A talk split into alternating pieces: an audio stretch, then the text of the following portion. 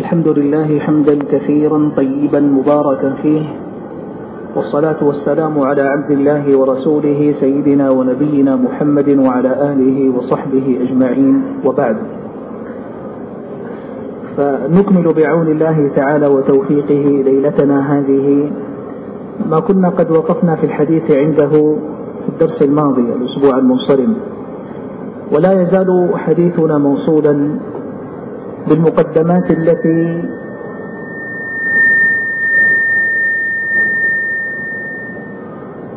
بالمقدمات التي رأينا الحاجة إليها ملحة لكل دارس لعلم الأصول في الوقوف عليه من هذه المسائل.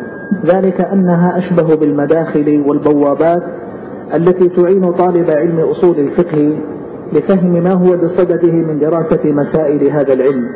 وقد تدرج بنا الحديث في المجالس السابقة في الأسابيع الماضية من الحديث عن نشأة هذا العلم وكونه ملكة آه، يتعامل بها ويفهم بها صحابة رسول الله صلى الله عليه وسلم رضوان الله عليهم أجمعين. ثم انتقال ذلك إلى شكل مدارس كانت على أيدي الصحابة في مختلف الأقطار والمدن التي نزلوا بها رضي الله عنهم ثم تحول ذلك إلى تدوين مستقل على يد الإمام الشافعي رحمه الله في كتابه الرسالة فكان بذلك نواة للتأليف في علم الأصول.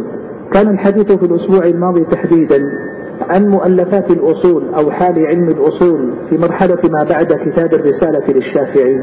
وكيف أنها أخذت نموا مزدهرا عبر الأجيال والقرون المتتابعة للقرن الثاني فالثالث وما بعدهما حتى أضحى هذا علم حتى أضحى هذا العلم علما مستقلا بكتبه ومصنفاته التي يرجع إليها طلاب العلم. وكانت آخر نقطة وقفنا عندها هي الحديث عن المذاهب العلمية في ساحة علم الأصول وأنها مذهبان يمثلان كلا من الحنفية في جهة والجمهور في جهة أخرى مقابلة لهم. كان هذا الحديث عن المذاهب العلمية في الأصول بحاجة إلى مزيد توضيح وبيان. بحاجة إلى مزيد توضيح وبيان يزول معه بعض وجوه الإشكال وتتجلى معه بعض النقاط التي تحتاج إلى تفصيل يزيد الأمر وضوحا فيما يتعلق بالمذاهب. فمجلسنا الليلة بعون الله تعالى حديث عن المذاهب العلمية في الأصول وانقسامها ومعايير هذا الانقسام إلى حنفية وجمهور ثم أيضا الجواب عن بعض الإشكالات المتعلقة بهذا التقسيم فيما يخص مذهب الجمهور الذين يمثلون المالكية والشافعية والحنابلة. وكيف يتأتى للجمهور مع اتحادهم في الأصول في المذهب أن يكون اختلافهم في الفروع باقيا؟ يعني كيف يمكن أن نفسر اجتماعهم في الأصول واختلافهم في الفروع؟ أيضا إشكال يتعلق بهذا التقسيم وهو ما معياره ولماذا أصبح الحنفية في هذا التقسيم يقابلون الجمهور؟ وسؤال ثالث أين تقع المذاهب الأخرى كالظاهرية من هذا التقسيم؟ وسؤال أخير قد لا يسع له درسنا هذا فنؤجله إلى لقاء آخر وهو الحديث عن المذاهب العقدية. ما موقعها أيضا من هذا التقسيم؟ وما أثرها تحديدا في علم الأصول وفي المسائل التي تقررت فيه؟ جوابا عن هذه الإشكالات أو علامات الاستفهام كان مجلسنا هذا الليلة للحديث عنها بالتفصيل وقبل أن ندخل في تفاصيله والخوض فيه يحسن بنا أن نقول إنه لم يبق لنا إلا الأسبوع القادم بمشيئة الله تعالى لنختم فيه الحديث عن هذه المقدمات والمداخل والتمهيدات التي ابتدأت منذ نحو ستة أسابيع ولا نزال متواصلين في الحديث عنها. ليكون الذي بعده إن شاء الله توقفا في أسبوع الإجازة الفاصل بين الفصلين لأنه سيكون مرتبا له دورة ما في المسجد الحرام. فنشرع بعون الله تعالى مع بداية الفصل الثاني إن شاء الله. وحديث الليلة كما قلت هو الحديث عن المذاهب العلمية في الأصول. والمعلوم أن المذاهب الفقهية السائدة أربعة وهي على ترتيبها الزمني تبعا لوفاة أئمة المذاهب. مذهب الحنفية ومذهب المالكية ومذهب الشافعية ومذهب الحنابلة. هذه المذاهب الفقهية أربعة. خدمت فقها بالتدوين وجمع المسائل وفتاوى أئمة المذاهب منذ وقت مبكر. وكان أكثر العناية بهذه المذاهب الأربعة هو نقل فتاوى أئمة المذاهب ومذاهبهم في المسائل وأقوالهم في الأحكام الفقهية. أبو حنيفة رحمه الله جمعت فتاواه ومسائله ومدارساته مع تلامذته وطلابه على الطريقة التي ارتضاها في تدريس الفقه. والإمام مالك رحمه الله صنف موطأه وفي تراجمه كثير من فقهه ثم حفظت مسائله وفتاواه أيضا على أيدي طلابه ونقلت المذهب عنه. فكانت المدونة مدونة أيضا حقيقة لمذهب مالك رحمه الله. وأما الإمام الشافعي رحمه الله فإنه أكثر الآئمة عناية بتحرير مذهبه لما كتب مذهبه بيديه في كتابه الأم وقرر فيه اجتهاده واختياره في المسائل في مختلف أبواب الفقه. والإمام أحمد رحمه الله الجميع هو أيضا ممن عني أصحابه بنقل مذهبه وفتاواه ومسائله فنقلت وحفظت ورويت. هذا فيما يتعلق بمذاهبهم فقها. أما الأصول فإنه كما مر بكم سابقا ليس منهم إلا الإمام الشافعي رحمه الله هو الذي اعتنى بتدوين آرائه ومذهبه في مسائل الأصول من خلال كتابه الرسالة. وباقي الآئمة نقلت مذاهبهم واجتهد أصحابهم في تحرير قواعدهم في الاستنباط ومذاهبهم في مسائل أصول الفقه. فالمذاهب الفقهية إذا أربعة وهو الذي يعلمه الصغير قبل الكبير من من عموم متعلم المسلمين أن المذاهب الفقهية السائدة اليوم التي تنتسب للأئمة الأربعة تقترب وتبتعد في بعض المسائل تتفق في أمور وتختلف في غيرها لكنها في الجملة تتحد في أصول الشريعة ومصادرها الكلية بالرجوع إلى أصول الاستدلال كتابا وسنة وإجماعا وقياسا. هذه القواسم المشتركة بين المذاهب الأربعة جعلت من اختلافهم الفقهي على اختلافه لكنه متحد في أصول الاستنباط وأصول الأدلة التي ترجع إليها. حديثنا الآن عن أصول هذه المذاهب. نحن نتكلم عن علم أصول الفقه وهو كاسمه ينبغي أن يكون أصلا للفقه. فإذا كنت تتكلم عن فقه أبي حنيفة رحمه الله فإن أصول فقه الحنفية ينبغي أن تكون حقيقة هي أصول لمذهب أبي حنيفة. وقل مثل ذلك في المذاهب الثلاثة. فالذي يقتضيه التقسيم عقلا. أن تكون المذاهب الفقهية أربعة وأن تكون المذاهب الأصولية أيضا أربعة لأن كل مذهب له أصوله الذي يقوم عليه. وعليه فإن المذاهب الأربعة ينبغي أن تتمثل في علم الأصول أيضا على مذاهب أربعة. لكن الموجود في التقسيم الأصولي في ساحة هذا العلم وميدانه تقسيم ثنائي فيقال المذاهب في علم الأصول مذهبان وليست أربعة. مذهب الحنفية ومذهب الجمهور. فينقسم فينقسم هذا العلم إلى قسمين أو إلى مذهبين كبيرين مذهب الحنفية ويقابله مذهب الثلاثة المالكية والشافعية والحنابلة في مقابل مذهب الحنفية. فيقال مذهب الجمهور ومذهب الحنفية.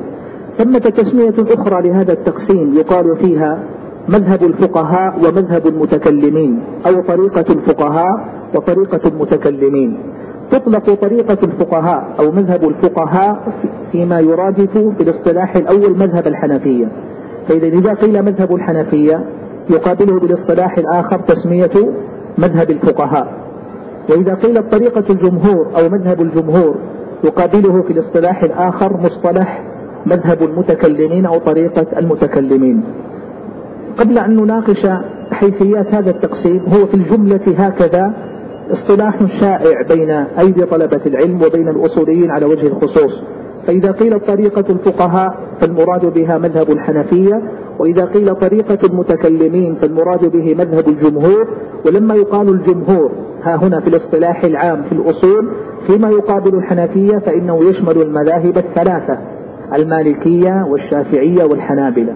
بخلاف الاصطلاح الذي يستخدم في الفقه المقارن أو الفقه الخلافي لما يقال مذهب الجمهور فإن مصطلح الجمهور في الفقه الخلافي هو مصطلح نسبي يعني هو في كل مسألة بحسبها. جئت لبعض المسائل فتقول الجمهور فيها على كذا وأنت تقصد مذهب الحنفية والشافعية والمالكية مثلا دون الحنابلة. وفي مسألة أخرى تقول هذا مذهب الجمهور تريد مذهب الحنفية والشافعية والحنابلة دون المالكية. فمصطلح الجمهور في الفقه في كل مسألة بحسبها. تذكر مذهب الذي انفرد بقول ما ثم تقول في مقابله وذهب الجمهور إلى كذا أو مذهب الجمهور هو القول بكذا. كذلك في علم الأصول ربما أتيت إلى مسألة جزئية تفصيلية بعينها تتحدث عن مذاهب العلماء فتقول ذهبت المالكية مثلا إلى الاحتجاج بعمل أهل المدينة وهو عندهم أحد الأدلة المعتبرة ويرى الجمهور عدم الاحتجاج. هنا ماذا قصدت بالجمهور؟ ما يقابل المالكية. فيدخل فيه الحنفية والشافعية والحنابلة. هذا اصطلاح لا يتعارض مع ما قلته قبل قليل في التقسيم. لأنك لما تتكلم عن مسألة جزئية بعينها وتتحدث فيه عن نسبة القول إلى مذهب دون مذهب فإنه يفهم من خلال حكايتك للخلاف ماذا تقصد بالجمهور. لأنك أفردت قبل قليل مذهب المالكية ففهم أن الجمهور هم من عدا مذهب المالكية. لكنني أتكلم قبل قليل في التقسيم الاصطلاحي الرئيس الكبير الذي تبنى عليه مذاهب الأصوليين جملة فإنه حيث يقال مذهب الجمهور أو طريقة الجمهور فالمراد به المذاهب الثلاثة ما عدا مذهب الحنفية. هذا اصطلاح إذن.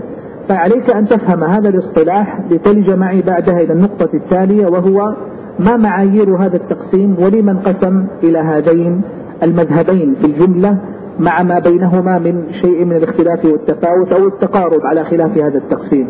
سأوجز الحديث إخوة الكرام في نقطتين اثنتين. أولاهما أن أحد معايير التقسيم وهي الشائعة والتي تذكر في كتب تواريخ العلوم ولعل أول من ذكره ابن خلدون في مقدمته هو أنه قال إن هذا التقسيم الذي استقر عند الأصوليين من تقسيم المذاهب إلى مذهبين مذهب حنفية ومذهب جمهور هو بالنظر إلى الطريقة التي سلكها الفقهاء والأصوليون في تدوين مسائل علم الأصول. إذن هو بالنظر إلى منهجية التأليف والطريقة التي سلكت في تدوين مسائل علم الأصول. فمن نظر وفحص وتأمل سيجد أن للحنفية مذهبا ومنهجا مستقلا وطريقة يتسمون بها يخالفون بها المذاهب الثلاثة. فيما يمكن أن تجعل المذاهب الثلاثة في منهجية التأليف في كتب الأصول وطريقتهم في التصنيف يمكن أن تجعلهم منهجا واحدا وطريقة مستقلة. إذا لما نقول إن المذاهب الثلاثة بهذا المعنى الذي فهمت قبل قليل لما نقول إن المذاهب الثلاثة تتحد في مذهب واحد فإياك أن تفهم أنهم يتفقون في الأصول وفي القواعد وفي المسائل. هذا لا يمكن أن يكون لأنهم لو اتفقوا على القواعد في الأصول للزم من هذا. اتفاقهم في الفروع وليس الأمر كذلك. لكن هذا التقسيم هو بالنظر إلى منهجية التأليف وسأشرح لكم بمزيد تفصيل. سرت وتقررت طريقة الحنفية في تدوين مسائل علم الأصول على طريقة استنباط القاعدة من خلال فتاوى وأقوال أئمة المذهب الحنفي. فإذا جاء يقرر قاعدة أصولية فإنه يستنبطها ويستخرجها من النظر إلى تصرفات فقهاء المذهب. وهم الثلاثة تحديدا يعني الإمام أبو حنيفة والإمام القاضي أبو يوسف والإمام محمد بن الحسن الشيباني. فالثلاثة أئمة المذهب عنهم تؤخذ فتاوى المذهب ومسائل المذهب وفقه المذهب. فجاء الأصوليون من الحنفية فعمدوا إلى تلك الفتاوى والمسائل المروية عن أئمة المذهب. فحاولوا استنباط قواعد أصول المذهب من خلال فتاويهم فيقولون مثلا مذهبنا عدم الاحتجاج بخبر الواحد فيما تعم به البلوى. قد لا يجدون عبارة منصوصة بهذا اللفظ عن أئمة المذهب لكنهم يثبتون من خلال الفتاوى أن أئمتهم لا يحتجون ببعض الأحاديث ولا يرونها محلا للاستنباط ونظروا فوجدوا أن سبب ذلك كونه خبرا من أخبار الآحاد والمسألة واقعة ضمن دائرة ما يسمى بعموم البلوى. فجعلوا من ذلك قاعدة ثم اختبروا هذه القاعدة في مسألة أخرى وثالثة ورابعة مما نقل على أئمة المذهب فاستقرت عندهم قاعدة. استخرجوها من خلال فتاوى أئمة المذهب والمسائل المنقولة عنهم وصاغوا منها قاعدة. إذا طريقتهم في تقرير القواعد الأصولية قواعد الاستنباط أو الاستدلال هي مستقاة ومستخرجة ومستنبطة من فتاوى أئمة المذهب وفروعهم وفقههم الذي حفظ وروي ونقل ودون فاستنبطوا منه أصولا. ولهذا فإن التسمية الأخرى لهذه الطريقة التي اعتمدها الحنفية في تدوين مسائل علم الأصول تسمى بطريقة الفقهاء لأنها تعتمد على الفقه مباشرة وتستقي القواعد الأصولية من خلال الفروع الفقهية المتناثرة. فأنت لا يعجزك عندما تمسك كتابا كأصول السرخسي مثلا أو كتابا كأصول فخر الإسلام البزدوي وبعض شروحه أو المنار للنسف وبعض شروحه. لا يعجزك أن تقف في المسألة الواحدة على عشرات الفتاوى المنقولة عن أئمة المذهب. لأن هذه هي الطريقة المعتمدة عندهم في تقرير أصول المذهب وقواعده.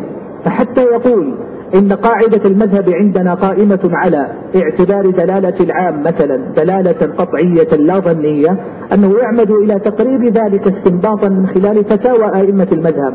فيسوق لك مثالا ومثالين ومسألة ومسألتين وخمسة وعشرة يثبت من خلالها أنه بتصفح آراء فقهاء المذهب واجتهاداتهم فإنها تؤكد هذه القاعدة فيصوغ منها قاعدة ويؤسسها ويؤصلها ويبني عليها. إذا هذه طريقة الحنفية في التصنيف جعلت منهم مذهبا مستقلا وجعلت طريقتهم متميزة عن طريقة غيرهم من الأصوليين في سائر المذاهب الثلاثة. ولهذا سميت كما قلت في الاصطلاح الآخر بطريقة الفقهاء لأنها تعتمد على الفقه. وتستقي منه وتبني عليه. ما الذي يقابل هذا عند الجمهور عند المالكية عند الشافعية عند الحنابلة؟ يقابل ذلك طريقة أخرى طريقة أخرى في التصنيف تختلف عن طريقة الحنفية. فلا تجدهم يعمدون إلى فتاوى إمام المذهب ولا إلى مسائله المروية عنه ولا إلى فقهه المدون والمنقول عنه ليستخرجوا منه القواعد كما صنع الحنفية. لكنهم يقررون المسائل. ويعتمدون مناقشة قواعد علم الأصول بالنظر إلى المسائل والقواعد من حيث هي. يناقشون القاعدة بتجرد دون النظر إلى موقف المذهب منها. يعني مثلا يريدون مناقشة الحنفية فيما ضربت لهم مثالا قبل قليل الاحتجاج بخبر الواحد فيما تعم به البلوى. ثم يقرر القاعدة بغض النظر عن موقف إمام مذهبه من القاعدة. يحاكم القاعدة إلى ماذا؟ يحاكم القاعدة إلى أدلتها العقلية والشرعية. ولهذا يكثر في طريقة المتكلمين أو في طريقة الجمهور سميها كما شئت.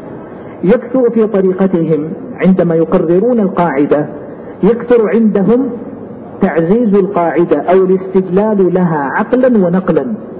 فيسوق لها من الأدلة العقلية ومن الأدلة النقلية أو الشرعية ما يشهد لصحة القاعدة. يعني مثلا يريد أن يستدل على أن الأمر يدل على الوجوب. في طريقة الحنفية ينقلون فتاوى عن أئمة المذهب تنص عندهم على أنه لو استخدم صيغة افعل فإنها تستلزم الامتثال وتقتضي ترتب العقاب على المخالفة. وهذا عندهم كاف لإثبات أن هذا هو قاعدة المذهب. عند الجمهور الطريقة تختلف. لما يريد أن يقرر أن القاعدة هي الأمر تدل على الوجوب لا يبحث عن ماذا قال إمام لمذة القاعدة. ولا ماذا نقل عنه من الفتاوى يأتي إلى القاعدة من حيث هي. يقول هذا أمر والأمر صيغة إفعل عند العرب. فيناقشها من حيث الدلالة اللغوية. العرب ماذا تريد بصيغة إفعل؟ فيناقش المسألة من هذه الزاوية ومن هذا الاتجاه ويعمد إلى طريقة العرب في الاستعمال. ثم مقتضى العقل ماذا لو قال السيد لعبده افعل فلم يفعل؟ ووجه الشبه أن السيد له أمر على عبده والعبد في مقام التعامل مع سيده يستوجب الامتثال ولا خيار له. فهو من هذه الجهة هو هو شبيه بمقتضى التكليف بين الخالق والمخلوق أنه إذا وجه إليه الأمر فليس أمامه اختيار إلا الامتثال. وهكذا يناقشون يقول ألا يحسن أن يوبخه أن يعاقبه ولا يستلزم من ذلك كذا وكذا؟ فإذا ثبت الأمر كذلك إذا القاعدة الشرعية في النصوص الشرعية الأمر يدل على الوجوب. فيناقشون ويقررون القواعد من حيث هي دون النظر إلى موقف إمام المذهب. ثم إذا مر بالمسائل قاعدة تلو قاعدة سلك هذا المسلك. إذا النظر إلى منهجية التأليف هو أحد أهم المعايير التي انقسم من خلالها تقسيم مذاهب العلماء في الأصول إلى مذهبين اثنين مذهب الحنفية ومذهب الجمهور. هذا المعيار هو المقرر كثيرا في الكتب في كتب علم الأصول المقدمات وفي كتب تواريخ العلوم كما أشرت قبل قليل. وهو صواب إلى حد كبير لكنه غير مضطرد. وترد عليه بعض الإيرادات ناقشها بعض الباحثين وتستلزم أيضا بعد الإشكالات التي لا يمكن الانفكاك عنها. وسآتي إلى الإشارة إليها عاجلا الآن. الذي يهمني الآن أن ندرك أن هذه الطريقة التي يتسم بها مذهب الجمهور هم يرونها أي الجمهور أكثر موضوعية وحيادية وإنصافا في تقرير القواعد أنها لا تخضع إلى اجتهاد فقهي هو ثمرة ينبغي أن يكون فرعا لا ينبغي أن يكون أصلا. إذا هم ينتقدون طريقة الحنفية أنهم جعلوا الفروع الفقهية أصلا للأصول. يقولون هذا خلاف المنطق؟ المنطق يقول أن تجعل الأصل أصلا يبنى عليه الفرع وليس العكس. لا تعمد إلى الفرع فتستقي منه أصلا تؤسس عليه. لكن هي هكذا طريقة الحنفية. ولهذا صار مذهبهم أحيانا تقرر فيه القاعدة الأصولية وليس لها فروع كثيرة لكن لأنهم وجدوا أن تصرفات الأئمة في بعض المسائل تنص على أمر ما فصاغوا منها قاعدة تمثل قاعدة أصولية تخدم المذهب في مسألة ما من المسائل. ولهذا أيضا يمكن أن تقول إنه إنه لا يمكن بمقتضى هذا التقسيم. لا يمكن أن تجد عند الحنفية قواعد أصولية تصطدم مع الفروع الفقهية عندهم والفتاوى المقررة لأنها مستقاة منها أصلا. وهم يمتدحون طريقتهم بهذا المنحى أن هكذا جعلنا الأصول والفروع متسقة.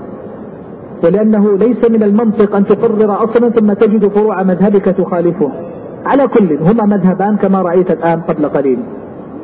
فيما يرى الجمهور أن الصواب والأسلم والأعدل في تحرير وصياغة قواعد تريد أن تكون محل تحكيم وتريد أن تكون قاعدة يصلح استعمالها فيما بعد مع كل حادثة ومسألة نازلة ينبغي أن تناقش على محك الموضوعية.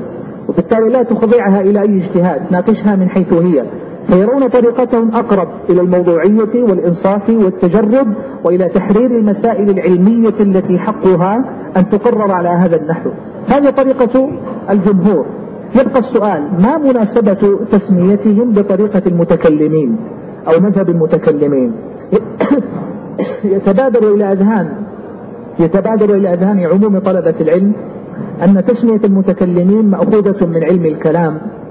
وعلم الكلام بهذا الاصطلاح هو العلم المذموم الذي دخل على علوم الشريعة في مرحلة ما بعد ترجمة الكتب اليونانية في زمن الخليفة المأمون لما أنشأ دار الحكمة فعربت كثير من كتب اليونان وكان فيما عرب منها كتب المنطق والفلسفة اليونانية ثم درسها علماء المسلمين أو طلبة العلم وتشربوها وأثرت هذه كثيرا على بعض العقائد الإسلامية وبعض الأفكار ومناهج التأليف فكان فيما دخل فيه شيء من هذا التقرير وأن علم الكلام الذي اصطبغ به بعض المنتسبين للإسلام أو علماء الإسلام أثر عليهم فجعلهم كذلك. لكن السؤال الذي لا جواب عنه على هذا الفهم هل المقصود لما نقول طريقة المتكلمين أن الشافعية والمالكية والحنابلة الذين كتبوا في الأصول هم علماء كلام؟ يعني علماء علم الكلام الذين تشربوا الفلسفة والمنطق اليوناني؟ الجواب لا. هم فقهاء وأصوليون وممن خدموا المذاهب وحرروا أصولها. فما وجه التسمية بعلم الكلام؟ وجه التسمية هي الطريقة مرة أخرى المنهجية في التأليف. أن طريقة المتكلمين تعمد إلى تقرير المسائل ومحاكمتها عقلا وما يقتضيه المنطق. وهذا هو أساس علم الكلام وصلبه الذي يقوم عليه. أن تقرر المسائل الكلامية من حيث مقتضى الدلالة العقلية وهذا أيضا بارز وواضح في طريقة الجمهور كما قلت فإنهم لا يكادون يخلون مسألة من المسائل عند نقاشها أو تحريرها لا يخلون من دليل عقلي يعززها ويقويها. ويرون أن هذا أيضا من تمام الموضوعية والإنصاف والتجرد عند تحرير المسائل. إذا هي لا علاقة لها بقضية أن يكون المؤلف أو العالم في هذا المذهب أن يكون متشربا بالبدع وأن يكون قد تأثر بعلم الكلام أو اختلفت عقيدته. لا علاقة. هي مسألة تتحدث عن طريقة التصنيف ومنهجية الكتابة والتدوين في هذا العلم. فصارت التسمية بين الفريقين فقهاء ويقابله متكلمون أو حنفية ويقابله الجمهور. هذا كما قلت المعيار في التقسيم هو السائد. والشائع بين طلبة العلم لكن عليه بعض الإشكالات أو التنويهات التي نحتاج الحقيقة إلى الجواب عنها. لأن هذا المعيار يقتضي أن كل ما ألف من كتب الأصول بهذه الطريقة أعني الرجوع إلى فروع المذاهب وأقوال الأئمة واستقاء القواعد منها أن كل ما صنف على هذه الطريقة ينبغي أن يكون في دائرة ها؟ في دائرة مذهب الحنفية وطريقة الفقهاء. بينما نجد بعض الكتب التي صنفت عند غير الحنفية هي تسلك هذا المسلك. وأوضح مثال له كتاب العدة للقاضي أبي يعلى. المعدود في أوائل بل من أول كتب أصول الحنابلة التي صنفت في تقرير قواعد مذهب الإمام أحمد رحمه الله الأصولية. ماذا يصنع القاضي أبو يعلى؟ في كل مسألة يعنون لها ويبوب لها. يعمد إلى إحدى الروايات المروية عن أحمد رحمه الله. في مسألة من المسائل يثبت بها أن هذا هو مذهب أحمد رحمه الله في تلك القاعدة. إذا هو تماما كصنيع الفقهاء الحنفية. فلما لا يصنف كتابه ضمن طريقة الفقهاء؟ وهو قطعا ليس حنفيا. إذا هو حنبلي لكنه صنف على طريقة الفقهاء فهذا وارد. كما أن العكس صحيح. أي أن بعض الحنفية أيضا صنف كتابه في الأصول على غير طريقة الفقهاء على طريقة المتكلمين. وهذا يغلب عند المتأخرين كالكمال بن الهمام مثلا رحمه الله وغيره من الحنفية فإنهم صنفوا أو جمعوا أو دونوا أصول المذهب الحنفي على طريقة المتكلمين لا على طريقة الفقهاء. وخصوصا من صنف جامعا في كتابه بين الحنفية والجمهور كما صنع بديع النظام. الساعاتي بديع الزمان الساعاتي لما لما صنف كتابه الجامع بين البزدوي والإحكام سماه بديع النظام الجامع بين البزدوي والإحكام. فإنه لما صنف كتابه هكذا عمد إلى طريقة الجمهور.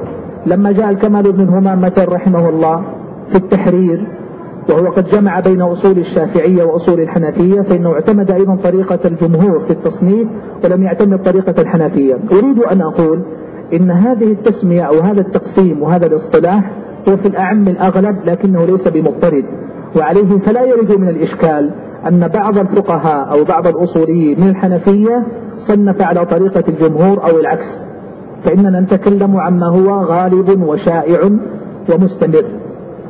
هذا أحد المعايير. طبعا هذا المعيار ترتب عليه ميزة موجودة بوضوح في كتب أصول الحنفية. وهي ما قلت قبل قليل كثرة احتوائها على الفروع الفقهية.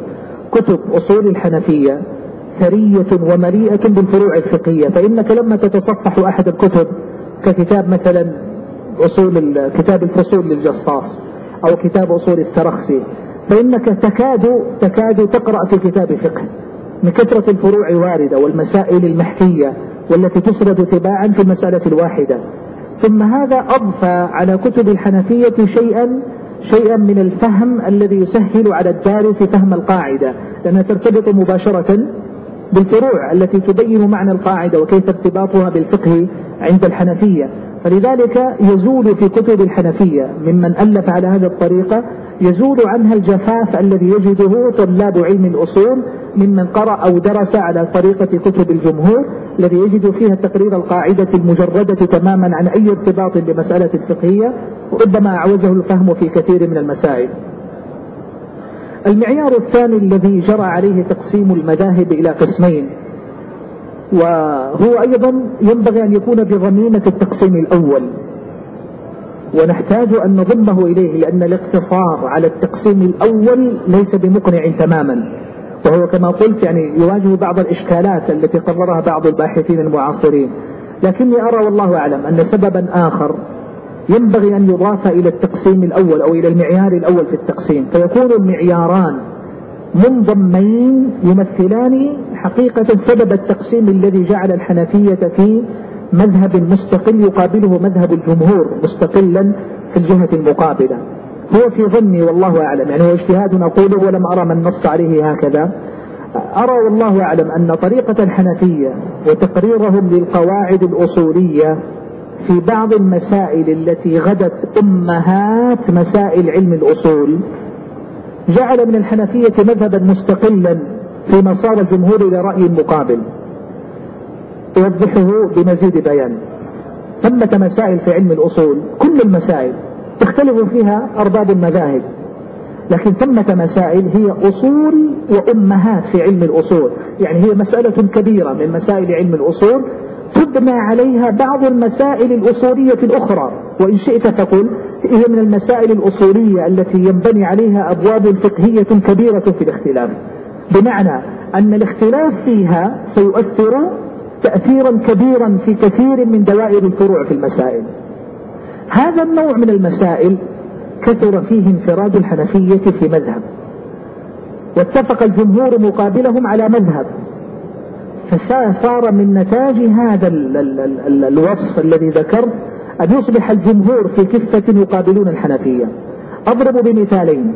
في مسألتين كبيرتين من مسائل علم الأصول صار فيها الحنفية إلى مذهب وخالفهم الجمهور إلى مذهب آخر ثم أثمر هذا خلافا متتابعا في مسائل هي كما قلت من أمهات مسائل علم الأصول. المسألة الأولى الخلاف بين الحنفية والجمهور في دلالة العام. أقطعية هي أم ظنية؟ والقطع والظن عند الأصوليين محل في كثير من الخلافات ذات الإشكالات. هذا واحد منها. هل دلالة العام على أفراده دلالة قطعية أم ظنية؟ يقرر الجمهور أنها دلالة ظنية ويرى الحنفية أنها قطعية. وبالتالي يسوي الحنفية بين دلالة الخاص والعام لأن كل منهما عندهم قطعي فالخاص دلالته قطعية والعام دلالته قطعية. بينما يرى الجمهور أن دلالة الخاص قطعية ودلالة العام ظنية.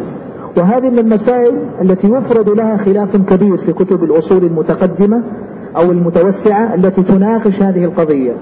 ينتصر الحنفية لمذهبهم في الذهاب إلى قطعية دلالة العام وينتصر الجمهور لمذهبهم في ظنية دلالة العام.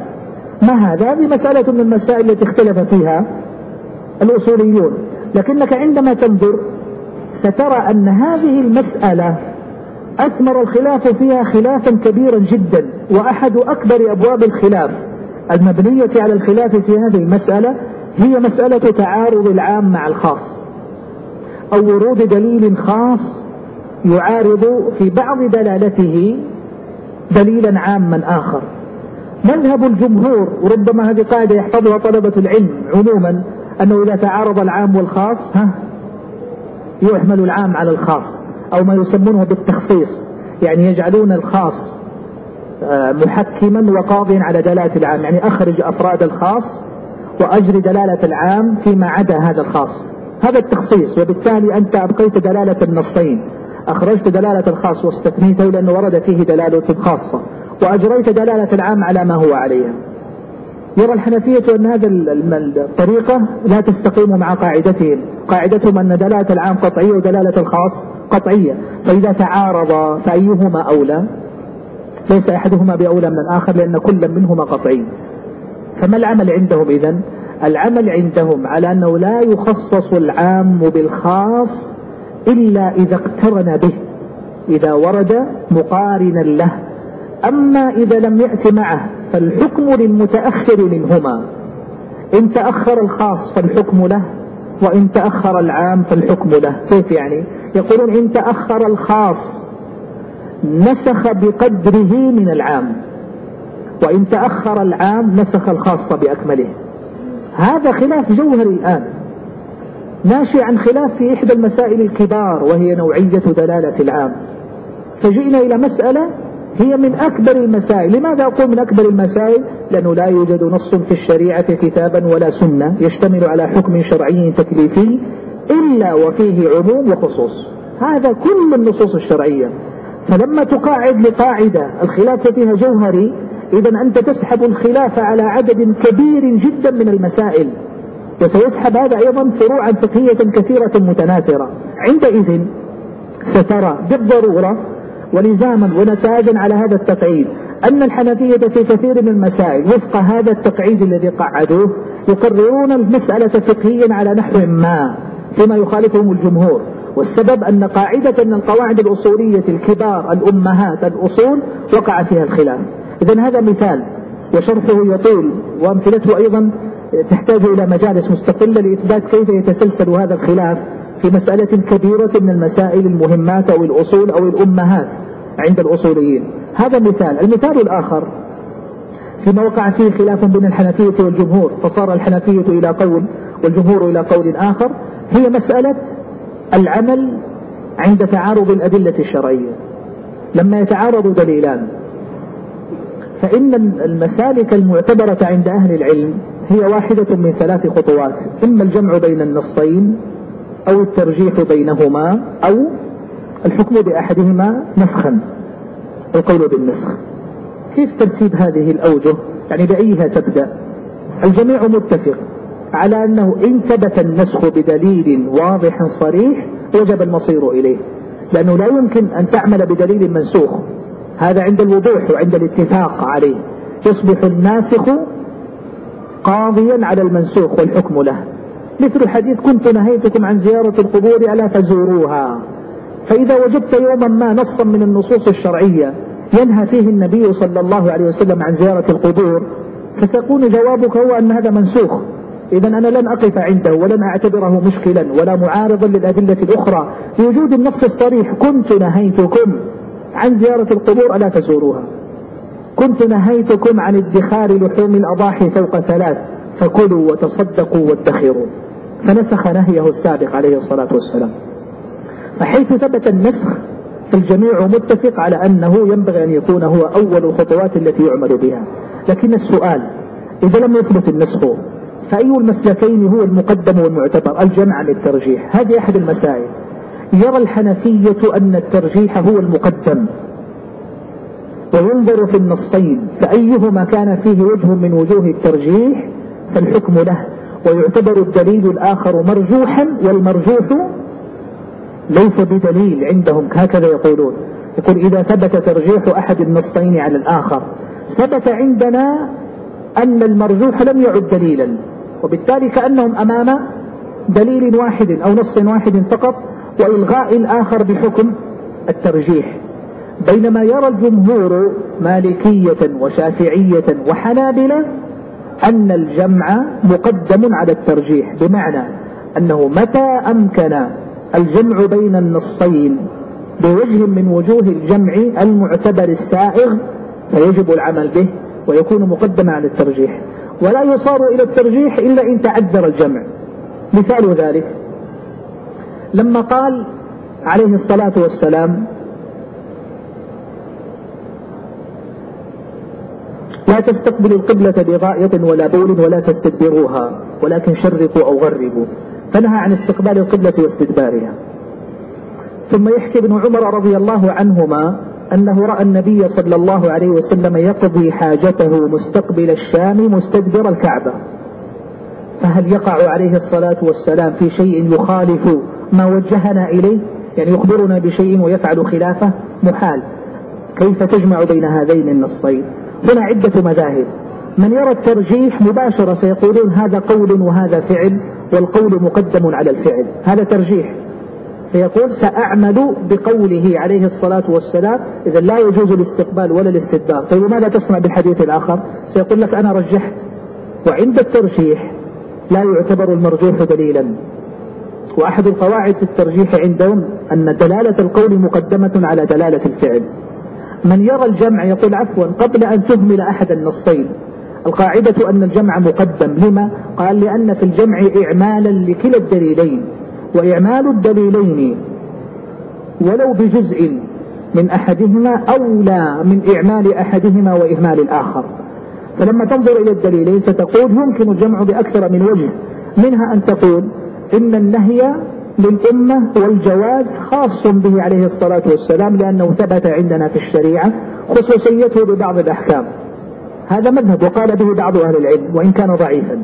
المذهب الآخر وهو الذي يعرفه عموم طلبة العلم هو التفريق بين البنيان والصحراء أو الفضاء وأنه إذا كان في البنيان جاز استقبال القبلة واستدبارها لوجود الحاجز أو الجدار أو البناء الذي يفصل بين من يقضي حاجته وبين الكعبة فلا يكون في استقباله للكعبة مفضيا إليها. وبالتالي زالت العلة من النهي وهو امتهان الكعبة أو القبلة. واستدلوا لهذا ببعض الآثار وفيها صنيع لابن عمر وابن عباس وغيرهما رضي الله عن الجميع.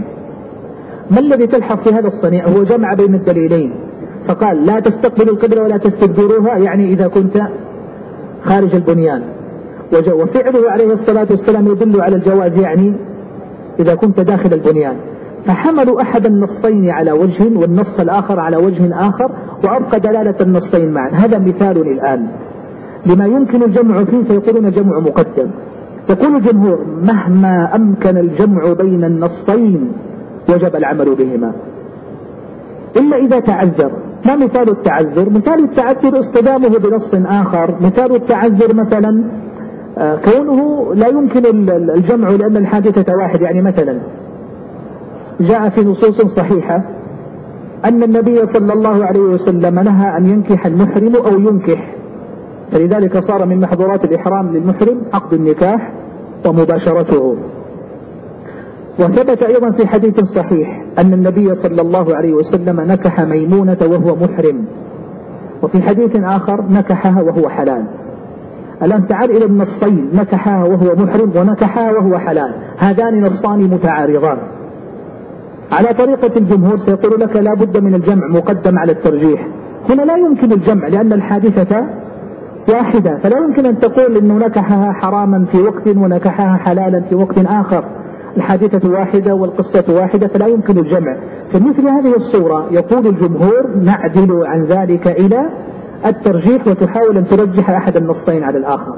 مثال ثاني لما دخل النبي صلى الله عليه وسلم الكعبة عام الفتح ودخل وخرج. هل صلى داخل الكعبة أو لم يصلي؟ أثبت ذلك ابن عمر ونفاه بلال.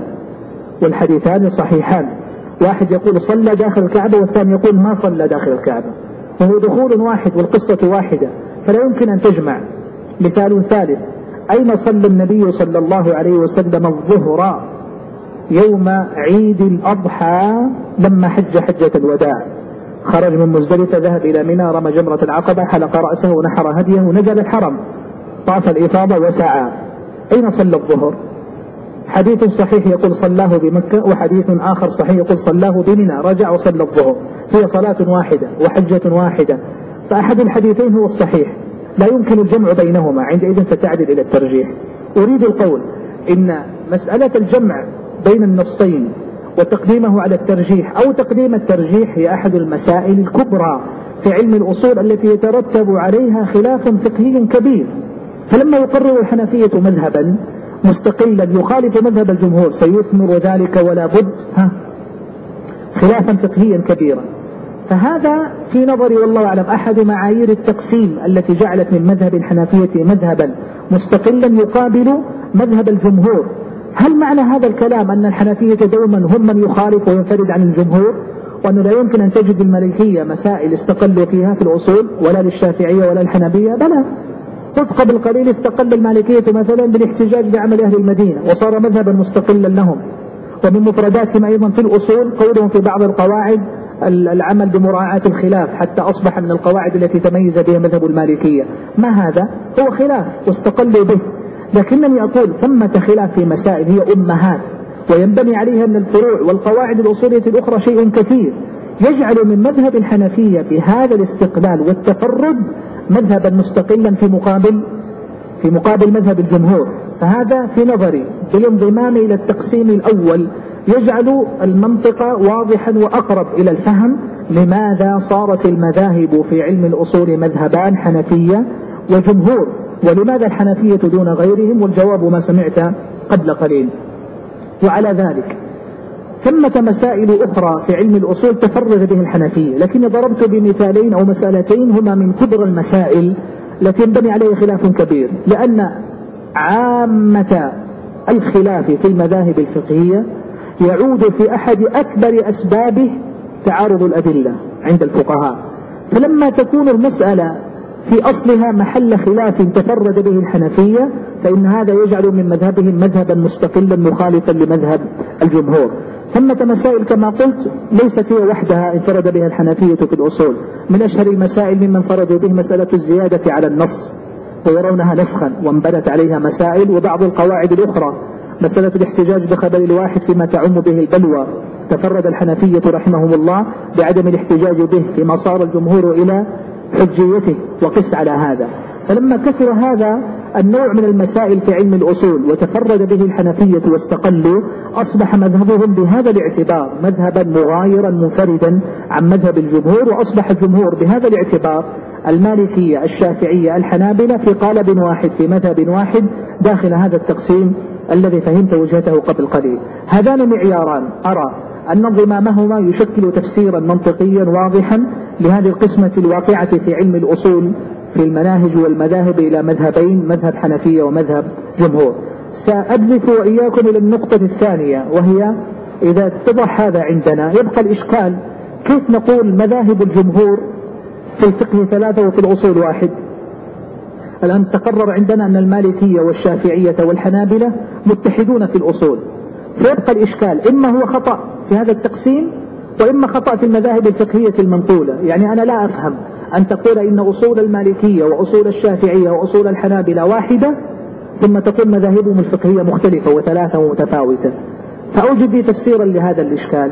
التفسير هو ما قلته قبل قليل في معيار التقسيم. لما قلت إن مذهب الحنفية يقابل مذهب الجمهور قلت إن معيار التقسيم هو منهجية التأليف وليس وليس الاتفاق في المسائل والاختلاف عليها. وعندئذ فلا إشكال. ما الإشكال لما أقول إن طريقة المالكية وطريقة الشافعية وطريقة الحنابلة في تدوين وتأليف علم الأصول طريقة واحدة؟ هل هذا يستلزم بالضرورة أنهم متفقون في القواعد ومتفقون في الأصول التي يقررونها؟ لا لا يلزم. لكن يقررونها بالأسلوب ذاته وبالمنهج ذاته. فهذا يرجح مذهبا وذاك يرجح مذهبا آخر. ولا إشكال في هذا. بل دعني أتجاوز إلى جواب آخر أبعد من هذا. دعني أقول إنه اتفق الشافعية واتفق المالكية واتفق الحنابلة على مسألة من المسائل. نضرب لها مثالا الاحتجاج بالقراءة الشاذة على الصحيح أنها حجة عند الجميع. فلماذا لا يقولون بوجوب التتابع في صيام كفارة اليمين مع ثبوتها في قراءة ابن مسعود في صحيح البخاري؟ فمن لم يجد فصيام ثلاثة أيام متتابعات. ذلك كفارة إيمانكم إذا حلفتم. هي قراءة شاذة ليست قرآنا ولا يقرأ بها في الصلاة ولا يتعبد بها في التلاوة. لكنني إذا قررت أصوليا أن القراءة الشاذة حجة ينبغي أن يكون هذا دليلا معتبرا. فيكون المذهب هو وجوب التتابع. في صيام الثلاثة الأيام في كفارة اليمين إذا لم يجد الكسوة ولا الإطعام ولا عتق الرقبة. طيب لما يقول الشافعي لا يجب التتابع. والرواية الصحيحة التي المذهب عن أحمد لا يجب التتابع. هل معنى هذا نقضهم للقاعدة؟ لا. الجواب أنه ربما كان عندهم دليل آخر أقوى منه فعمدوا إليه. فثمة مسالك أخرى. إذا ليس إشكالا. ربما اتفقوا في القاعدة الأصولية الواحدة واختلفوا في المسألة الفقهية.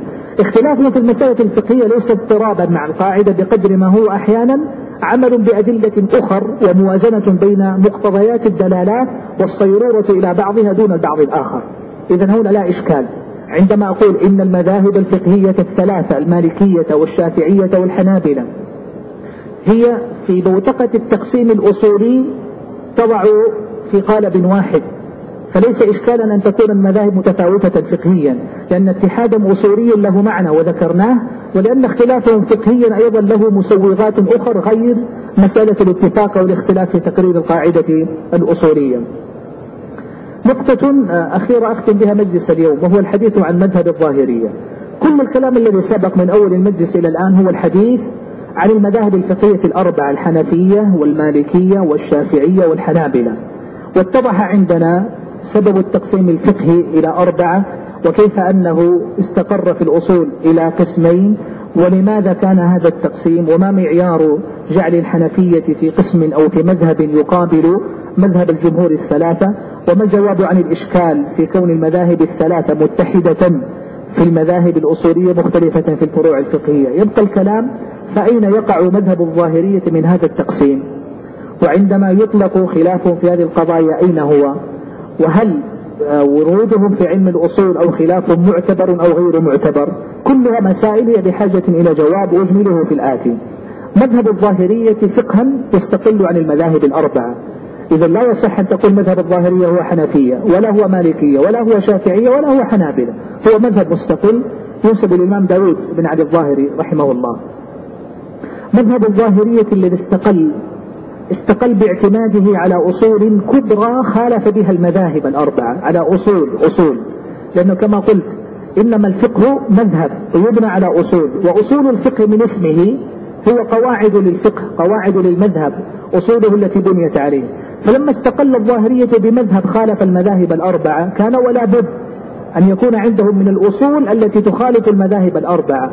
أشهر أو أكبر أصل من الأصول في مذهب الظاهرية يخالفون به المذاهب الأربعة هو ما كان سبب التسمية في مذهبه بمذهب الظاهرية. هو جمودهم على دلالة ظاهر النص وإهمال أو إغفال ما وراء ذلك. لاحظ أنا قلت جمود لأن العمل بظاهر النص مطلب وواجب شرعي بل هو شغل الفقهاء أن تحترم ظاهر النص وتعمل بدلالته. وسائر المذاهب الأربعة لا يهملون دلالات النصوص حاشا. لكن الذي ميز مذهب الظاهرية حتى استقلوا هو الجمود عند دلالة هذا الظاهر.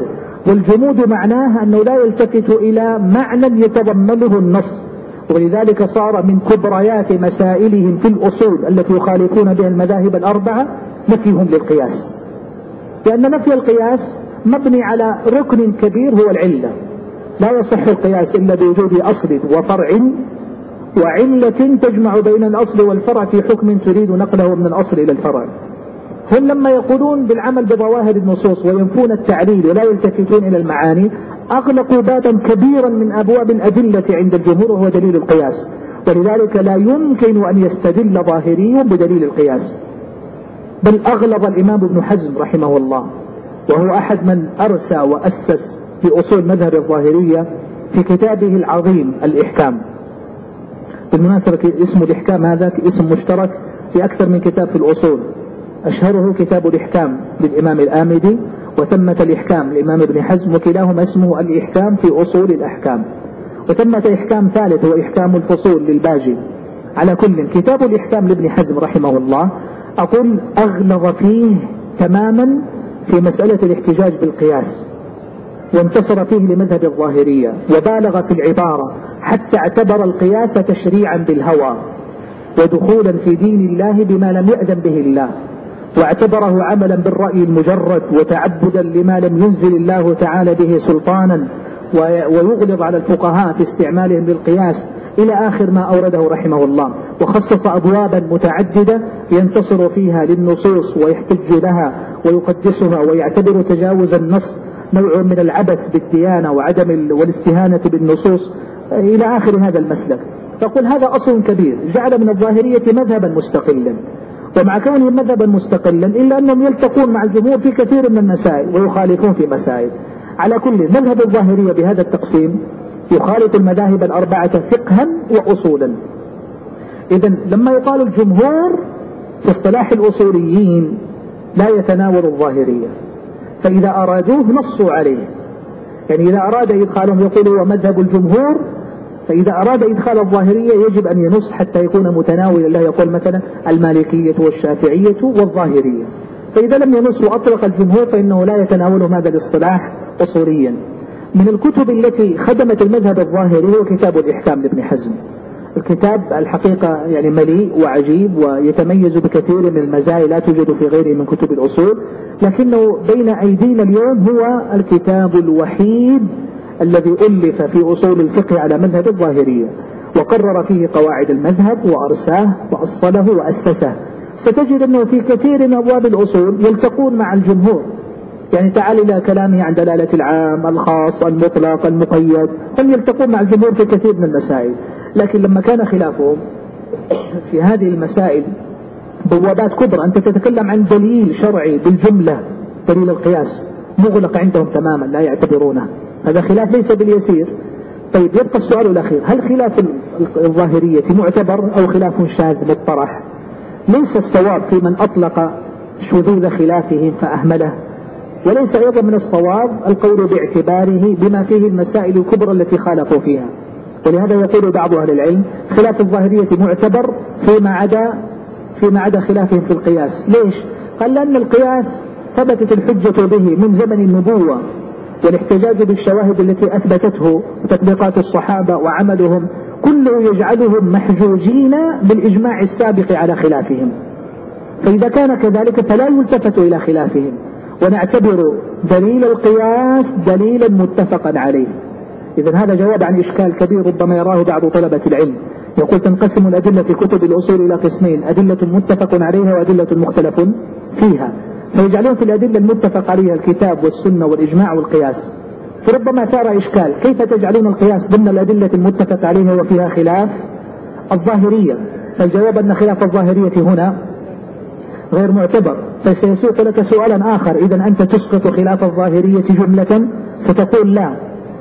إلا فيما لا حجة لهم فيه أو سبقوا بإجماع الصحابة عليه كالقياس.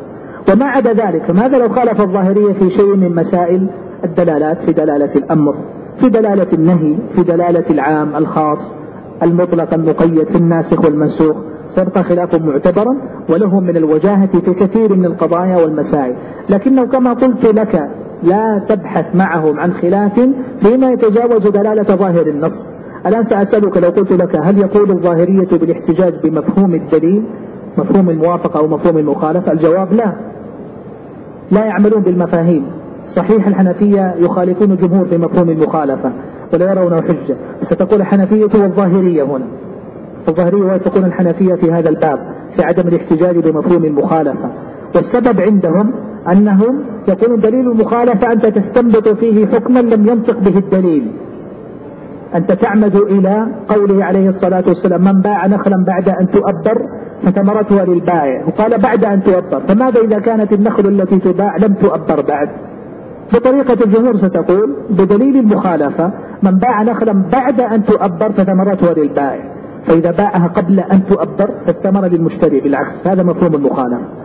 يقول الظاهرية لا هذا الآن حكم بالهوى بالعقل ما نطق به الدليل. هذا إدخال للعقول في التشريع.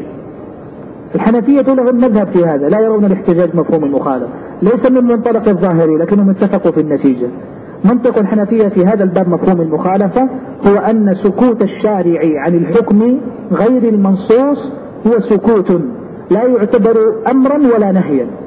فإثبات حكم له يحتاج إلى دليل وأن المسكوت عنه لا حكم له.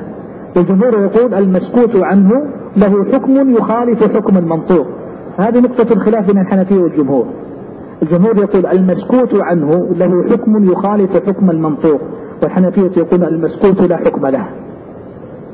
وهكذا أريد أن أقول إن مذهب الظاهرية لا يصح إسقاطه بالجملة في كل الأبواب واعتباره خلافا شاذا مطرحا أو يوصف بأوصاف غير لائقة. كلا لكنه فيما سبقوا فيه بالإجماع وحوججوا فيه باتفاق الصحابة قبل فلا عبرة بخلافهم وهذا القول الوسط هو أقرب الأقوال في التعامل مع مذهب الظاهرية رحم الله الجميع. وختاما فيلحق بهذا الإشكالات فيما يتعلق بالتقسيم المذهبي الفقهي داخل الأصول. ما أوردت من نقاط أرجو أن تكون وافية واضحة. أقول يلحق بها الإشكال في الخلاف العقدي. خلاف المعتزلة خلاف الأشاعرة خلاف الفرق المنتسبة إلى الإسلام. ودخوله في الخلاف الأصولي. السؤال هو ما تفسير هذا الاختلاف العقدي في علم الأصول؟ وإلى أي مدى أثر في مسائل علم الأصول؟ وما هو الموقف منه؟ وعندما يقع خلاف مثل هذا هل ينسب إلى المذاهب الفقهية أو ينسب إلى المذاهب العقدية؟ يعني لما نقف أمام خلاف في في مسألة من مسائل الأصول. هل ستعزو الخلاف فيها للمذاهب الفقهية؟ تقول مذهب بعض الشافعية كذا وإن كان المأخذ ليس هو المذهب الفقهي. المأخذ هو نزعة عقدية صاحبها معتزلي على مذهب الشافعي مثلا. أو أشعري على مذهب أبي حنيفة. فهل تعزو الخلاف إلى المذهب العقدي أو المذهب الفقهي؟ كيف يكون التعامل معه؟ سنجعل هذا حديثنا إن شاء الله تعالى في المجلس المقبل الأسبوع القادم بإذن الله. وأنبه بما ابتدأت به وهو الحديث عن أن المجلس القادم إن أحيانا الله وإياكم سيكون وختام سلسلة هذه المقدمات الممهدات لنشرع بعدها بعون الله في الأسبوع آه الذي بعده بأسبوع في أول الدروس المنتظمة مع أول الفصل الثاني إن شاء الله. هذا سؤال يقول ما رأيكم في أخذ مقدمة في المنطق قبل الشروع في علم أصول الفقه؟ آه، لست أرى حاجة إلى هذا خصوصا وأنه صنيع منتقد حتى عند الأصوليين. في إدخال علم المنطق مقدمة أو جزءا من أجزاء وأبواب علم الأصول وتحصل الغنية عنه بغيره بمعنى أن ما يمر به من مصطلحات تحتاج إلى إيضاح وشرح يمكن إيضاحها وشرحها دون الوقوف على إفراد سلسلة من اللقاءات خصوصا وأننا يعني اتفقنا إن شاء الله أن سنعمد في لقاءاتنا إلى آه، حصر بعض اللقاءات من خلال دروس محددة وإنهاء متون معينة بكتب. فنحن أحوج إلى صرف بعض اللقاءات المحدودة معنا في إنهاء بعض محتويات المتون والكتب التي نعتمدها. إن شاء الله تعالى أسأل الله لي ولكم التوفيق والسداد والله أعلم. وصلى الله وسلم وبارك على نبينا محمد وآله